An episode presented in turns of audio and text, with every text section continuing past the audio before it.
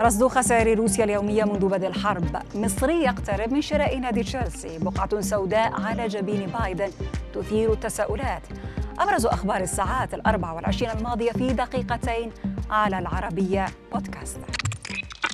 بينما تدخل العملية العسكرية الروسية في أوكرانيا يومها الثامن كشف تقرير أن التكلفة اليومية للحرب بالنسبة لموسكو ستتجاوز 20 مليار دولار. مع تفاقم حدة المعارك التقرير الذي نشره موقع العربيات أوضح أن الخسائر المباشرة من الحرب بما فيها المعدات العسكرية التي تم تدميرها كلفت روسيا في الأيام الخمسة الأولى من العملية نحو سبعة مليارات دولار مشيرا إلى أن حجم التعبئة بما في ذلك اللوجستيات والأفراد والذخيرة سيكلف المزيد من الأموال كل يوم.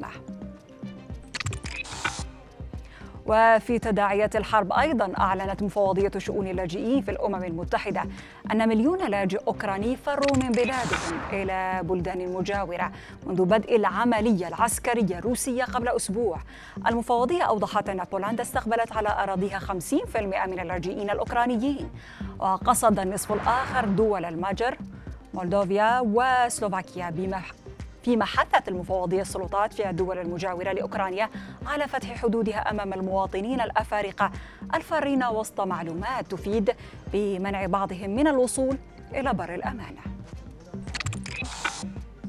وبعد الإعلان عن طرح نادي تشيلسي للبيع تحدثت صحيفة تيليغراف البريطانية عن اقتراب رجل الأعمال المصري لطفي منصور من شراء النادي. الصحيفة أوضحت أن مالك النادي الملياردير الروسي رومان أبراموفيتش قرر رسميا طرحه للبيع في ظل الأزمة التي يعاني منها في بريطانيا نتيجة تبعات تأييده للنظام الروسي. فيما أشارت الصحيفة إلى أن المصري لطفي منصور الرئيس التنفيذي لشركة مان كابيتال يعتبر أبرز المرشحين القادرين على تقديم عرض مالي ضخم لشراء النادي الإنجليزي أفادت شركة إيكورايت صاحبة حقوق بث مسلسل خادم الشعب الكوميدي بتنافس شركات في دول عدة للحصول على ترخيص بث المسلسل الذي يؤدي فيه فلاديمير زيلينسكي دور البطولة قبل أن يصبح رئيسا. المسلسل الذي حقق نجاحا كبيرا في أوكرانيا عند عرضه عام 2015 عاد ليلقى اهتماما واسعا بعد الهجوم الروسي على أوكرانيا. طلبت قنوات تلفزيونية في الشرق الأوسط واليونان ورومانيا حقوق عرضه فيما أزالت الشركة المالكة أي عروض تلفزيونية روسية من برامجها.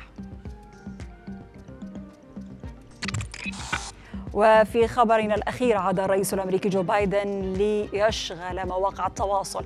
هذه المرة بانتشار صور له تظهر فيها بوضوح بقعة سوداء على جبينه أوضحت وسائل الإعلام أن البقعة ظهرت على جبهة الرئيس الأمريكي بعد مشاركته في مراسم دينية تدعى أربعاء الرماد حيث يتم وضع رماد على الرأس كجزء من هذه المراسم.